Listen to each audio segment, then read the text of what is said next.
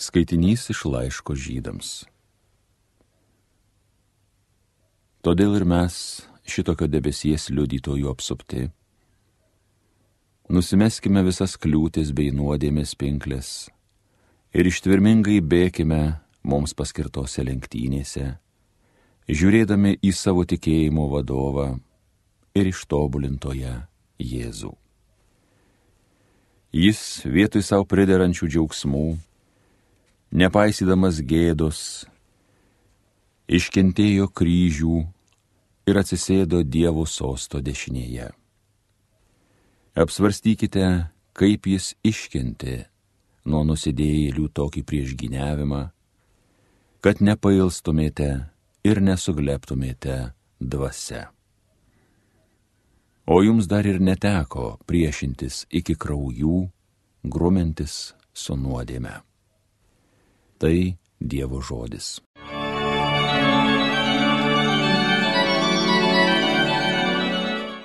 Mane viešpats gano, man nieko nestinga. Mane viešpats gano, man nieko nestinga. Jis mane veda, kur vešlius ganyklos žaliuoja. Leidžia man atilsėti paversmy, manąją sielą gaivina. Veda mane teisingais takais, savo garbiai. Mane viešpats gano, man nieko nestinga. Nekeliaudamas lėnių tamsiausių, aš nebijosiu, nes tu draugė būsi. Tavo lasda, vėzdas galingas, drąsą man duoda. Mane viešpats gano, man nieko nestinga.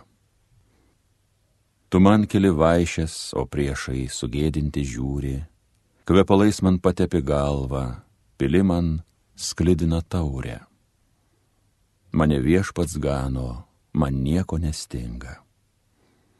Tavoji malonė ir meilė palydi kiekvieną mano gyvenimo dieną.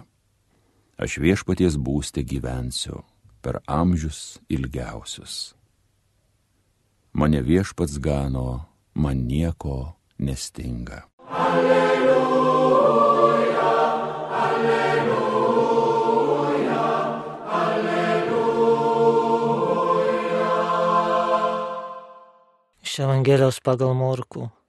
Jėzui vėl persikėlus valtimi kitą pusę, susirinko prie jo didžiulė minė ir sulaikė jį pažėrėje. Šitą dieną vienas iš sinagogos vyresniųjų, vardu Jairas ir pamatęs jį puola jam po kojų karštai maldaudamas. Mano dukrelė miršta, teik ir uždėk ant jos rankas, kad pagytų ir gyventų. Jėzus nuėjo su juo. Iš paskos sekė gausiminė ir jis spaustę spaudė. Ten buvo viena moteris jau dvylika metų serganti kraujoplūdžiu. Nemažai iškentėjusi nuo daugelio gydytojų ir išleidusi visą, ką turėjo, jie niekiek nepasitaisė, bet darė jau blogin ir blogin. Išgirdus apie Jėzų, ji pasiskverbė pro minę ir iš užpakalio prisilietė prie jo apsausto, mat jis savo kalbėjo, jeigu paliesiu bent jau drabužį išgysiu. Bematant kraujas ją nustojo plūdęs ir ji pajuto kūnų, kad yra pasveikusi iš savo negalės. O Jėzus iš karto pajuto, kad iš jo išėjo jėga ir atsigręžęs į minę paklausė, kas prisilietė prie mano apsausto. Mokiniai jam atsakė, pats matai, kaip minė tave spaudžia, dar klausė, kas mane palėtė. Bet Jėzus tebesidarė tos, kuri tai buvo padariusi. Moteris išėjo į priekį įsigandus ir virpėdama, nežinojo, kas jai atsitiko, ir puolusi prieš jį ant kelių, papasakojo visą teisybę, o jis tarė jai dukra, tavo tikėjimas išgelbėjo tave eik rami ir būk išgiusi savo lygos. Jam dar tebe kalbant ateina sinagogos įvyresnio žmonės ir pranaša tam. Tavo duktė numerė kam be gaišinė mokytoja. Išgirdęs tuos žodžius Jėzus sako sinagogos vyresniajam, nenusigask vien tikėk. Ir niekam neleido eiti kartu išskyrus Petrą, Jokūbą ir Jokūbo brolį Joną. Jie ateina sinagogos vyresnio namus ir Jėzus mato sujudimą verkiančius ir raudančius žmonės, išengęs vidunis tarė, kam tas triukšmas ir ašaros, vaikas nėra miręs, o miega, žmonės tik juokėsi iš jo. Tada išvaręs visus jis pasėmė vaiko tėvą ir motiną, taip pat savo palydovus ir ėjo ten, kur vaikas gulėjo. Jis paėmė mergaitę už rankos ir sako, talita kum. Išvertus reiškia mergaitę, sakau tau kelkis. Mergaitojo atsikėlė ir ėmė vaikščioti. Jai buvo dvylika metų, visi nusterėjo iš nuostabos. Jėzus griežtai sakė, kad niekas to nežinotų ir liepė duoti mergaitė valgyti.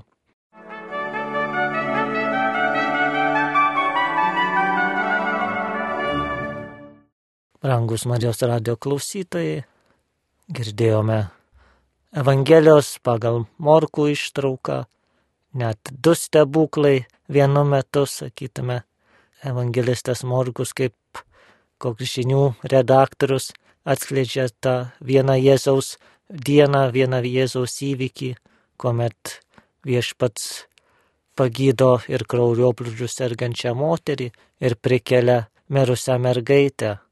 Sakytame, tie stebuklai įstabus savo pačiu faktu, tačiau jie dar labiau rodo tą viešpaties gailestingumą ir rūpestį žmonėmis.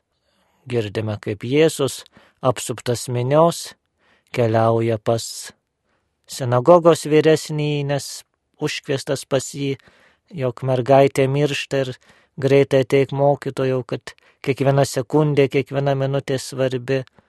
Ir minė, kaip visos minios, nesantūri, žmonės spaudžia, veržiasi, nori pamatyti mokytoją. Ir štai viešpas pajunta, kad iš jo išėjo gale. Tai toji malonė, ta gydanti jėga, kurią viešpats turėjo. Ir jisai dairosi to žmogaus, kuris jį palėtė.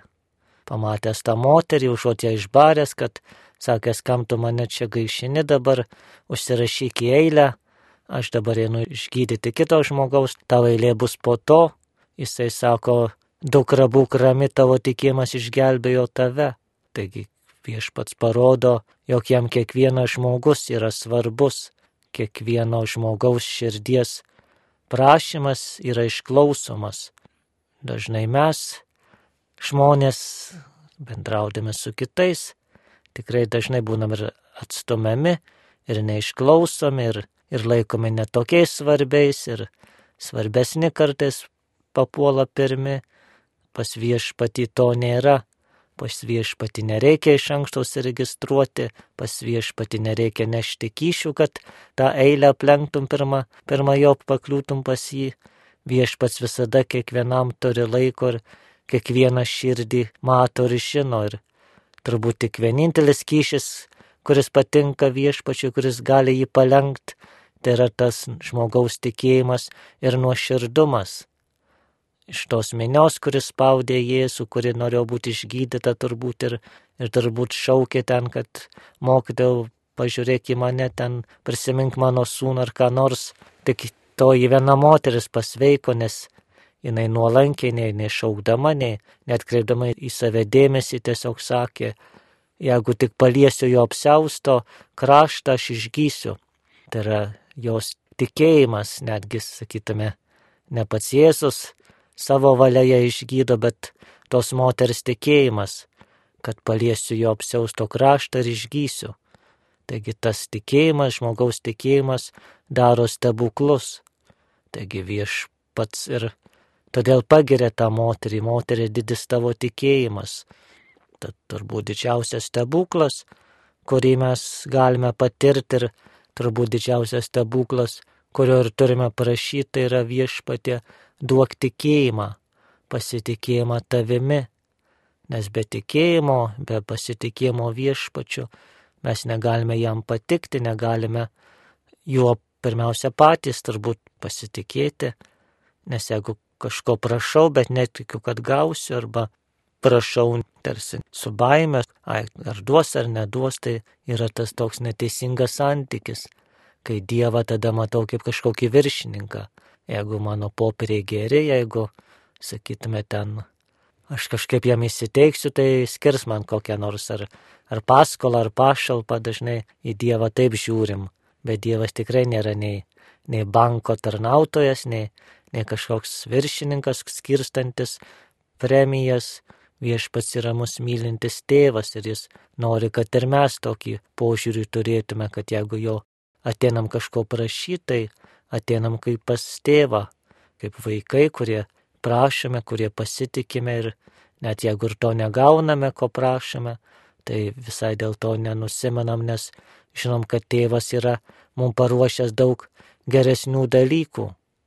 Tai kaip ir tos mergaitės atveju, Štai Jėzus pavėluoja dėl to, kad toji moteris išgydoma, mergaitė mirusi, turbūt ir tėvai jau nusivylę vieš mokytojų, kad štai jisai per vėlai atėjo ir, ir žmonės visi jau, jau žiūri, ko iš čia, kad jau šaukštai po pietų.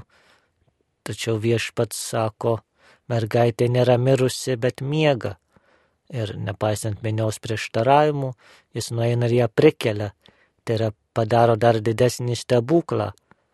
Jeigu būtų tik išgydęs mirštančią mergaitę, tai aišku būtų tėvam ir džiaugsmas, ir, ir, ir būtų jie dėkingi.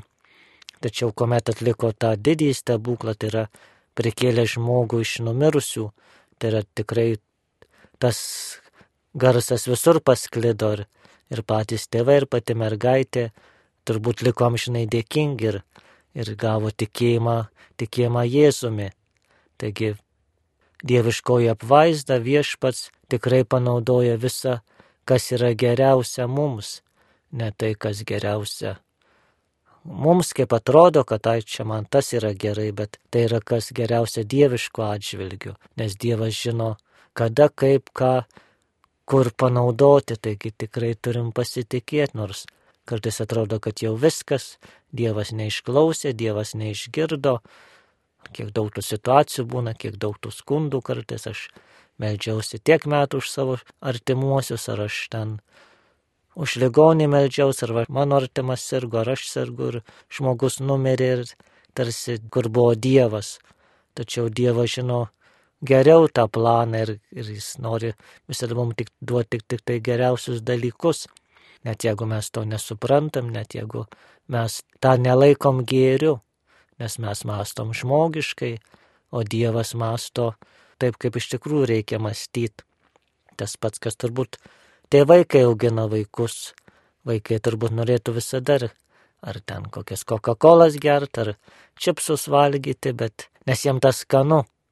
O tėvai žino tą tikrą sudėtį, kiek ten, kiek ten yra tų cukraus perteklinio ar dar kažkokių nuodų pridėta, kabutėse aišku, kad tai kenkia augančiam organizmui ir tikrai geri tėvai neduoda vaikam ar Coca-Cola ar tų traškučių ar saldainių per daug, nes ne dėl to, kad jų nemylėtų, bet priešingai, kad myli ir todėl rūpinasi. Rūpinasi, kad užauktų sveiki, kad paskui nebūtų tų sveikatos problemų. Taip ir viešpats mums neduoda tai, ko mes kartais norim. Tai yra norim to, ką laikom gėriu, bet kuris kartais iš dvasinės, iš amžinatvės perspektyvos visai nėra gėris. Todėl turim tikrai pasitikėti, kad viešpas nori mus geriausio. Tikrai tada viešpas galės daryti tuos stebuklus ir viešpas tikrai suteiks, ko mūsų sielai iš tikro reikia. Amen.